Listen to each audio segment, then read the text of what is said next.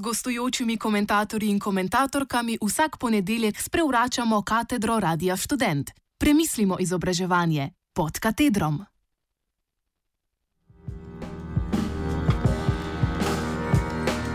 Odpiranje pristopov. Projekt S. Komentira direktor Centralne tehniške knjižnice CTK Miro Pušnik.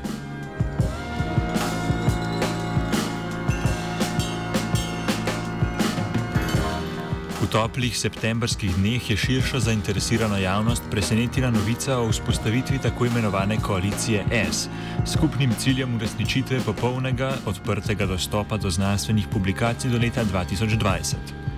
Koalicija S in načrt S sta nastala pod okriljem Združenja evropskih financerjev raziskovalne dejavnosti Science Europe, katerega članica je tudi Agencija za raziskovalno dejavnost Republike Slovenije, skrajšano ARRS, ki se je temu projektu tudi pridružila.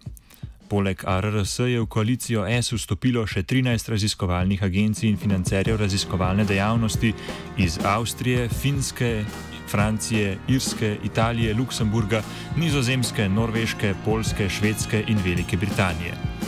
Program koalicije S podpirata Evropska komisija in Evropski raziskovalni svet ERC ter nekaj drugih uglednih financerjev raziskovalne dejavnosti, kot naprimer angliški financer na področju medijskih raziskav Wellcome Trust ali pa Bill and Melinda Gates Foundation.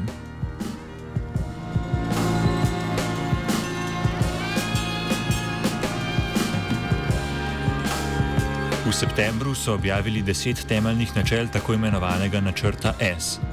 Če jih povzamemo, načrt S predvideva, da bodo financerji od raziskovalcev zahtevali naj svoja dela objavljajo v tako imenovanih zlatih revijah, ki so za branje brezplačne oziroma ni treba plačevati naročnin, saj se financirajo s plačevanjem odprtih objav s tako imenovanimi Article Processing Charge ali APC.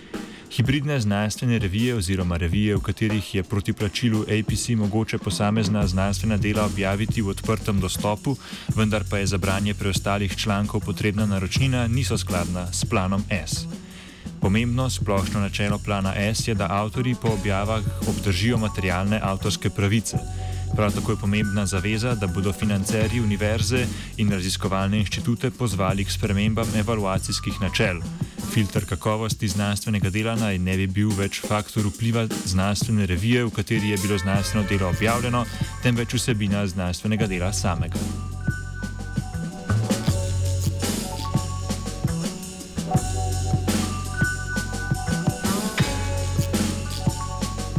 Objava novice o vzpostavitvi koalicije in načrta S je sprožila veliko polemik in mešane občutke med raziskovalci.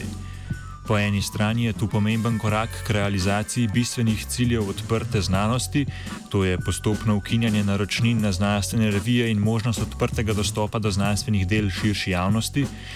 To je še posebej pomembno, če vemo, da obstoječi na oli, oligopol, oligopolnem položaj temelječi poslovni.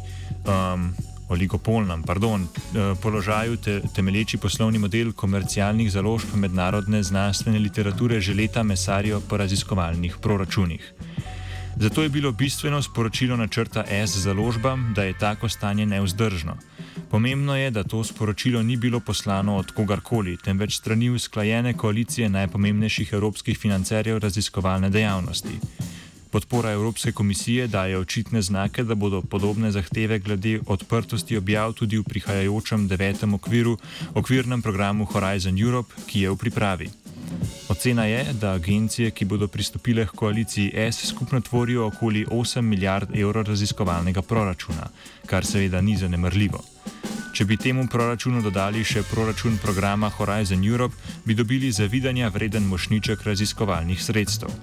Bode pa v oči dejstvo, da k koaliciji S ni pristopil noben financer iz Nemčije.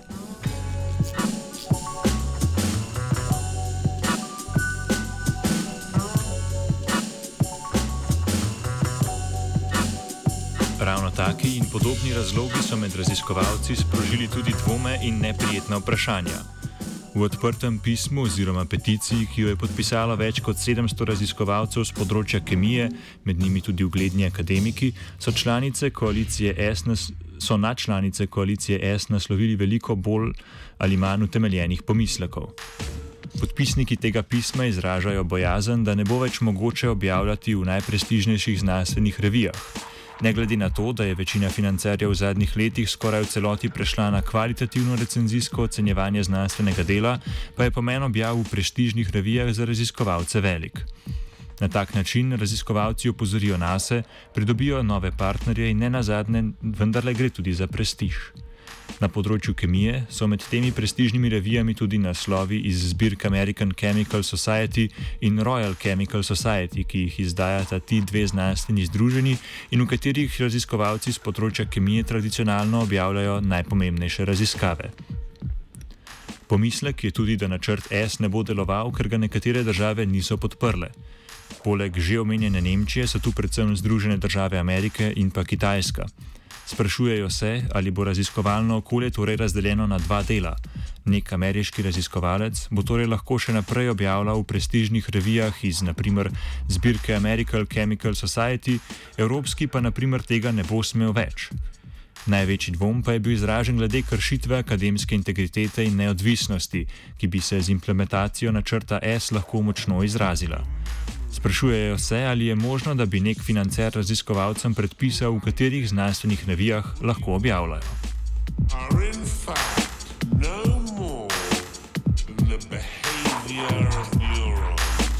Kako je s tem v Sloveniji? Javna agencija za raziskovalno dejavnost Republike Slovenije, krajše ARRS, že kar nekaj let pri dodeljevanju sredstev na javnih razpisih za sofinanciranje raziskovalnih projektov in projektnih skupin za vrednotenje objav v spredje postavlja recenzijski način ocenjevanja in ne bibliometrična štetja objav in citatov v sistemu SICRIS. Se pa SICRIS in tako imenovana točkologija uporabljata pri habilitacijah na slovenskih univerzah. Lahko si le predstavljamo, kako zajeten zalogaj bi bil naprimer za Ljubljansko univerzo, če bi morala v enem ali dveh letih korenito spremeniti koncept evaluacijskih sistemov pri habilitacijah. Še posebej, če vemo, da je izbor recenzentov zapleten postopek, odziv recenzentov pa ni odvisen od financerjev, da o morebitnem konfliktu interesov med recenzenti in avtorji recenziranih del niti ne govorimo. Thank you.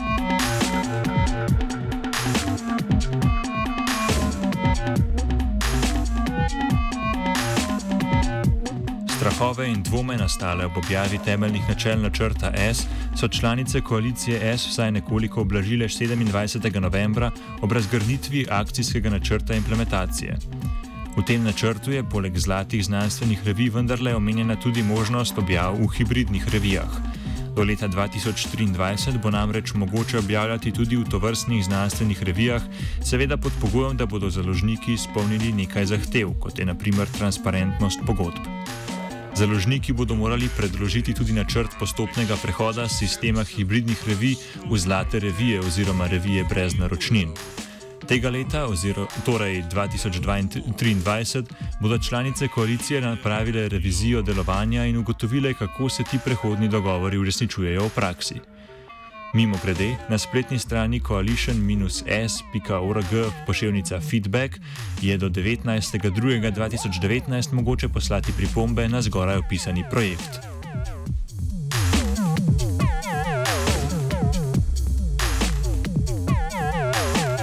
Za konec omenimo pomembno, a manj znano malenkost. Prva slovenska knjiga v odprtem dostopu je bil Trubarjev katekizem. Trubar je želel, da se ljudje izobrazijo, leti pa niso imeli denarja, da bi si lahko privoščili nakup knjig. Zato jih je podelil med kmete in ostale preproste ljudi. Očitno je bil Primoš Trubar velik vizionar. V času, ko je vsaka fake news spletna stran prosto dostopna, je vsebina relevantnih znanstvenih del dostopna le ožjemu krogu ljudi, davke pa seveda plačujemo vsi. Odprimo že te znanstvene vsebine in se izobrazimo.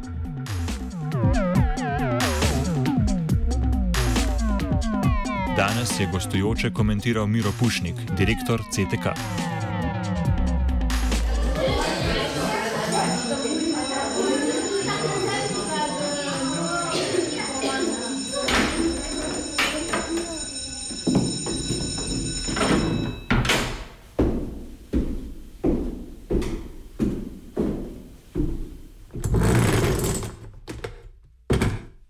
Gostujočimi komentatorji in komentatorkami vsak ponedeljek sprevračamo katedro Radia Student. Premislimo izobraževanje pod katedrom.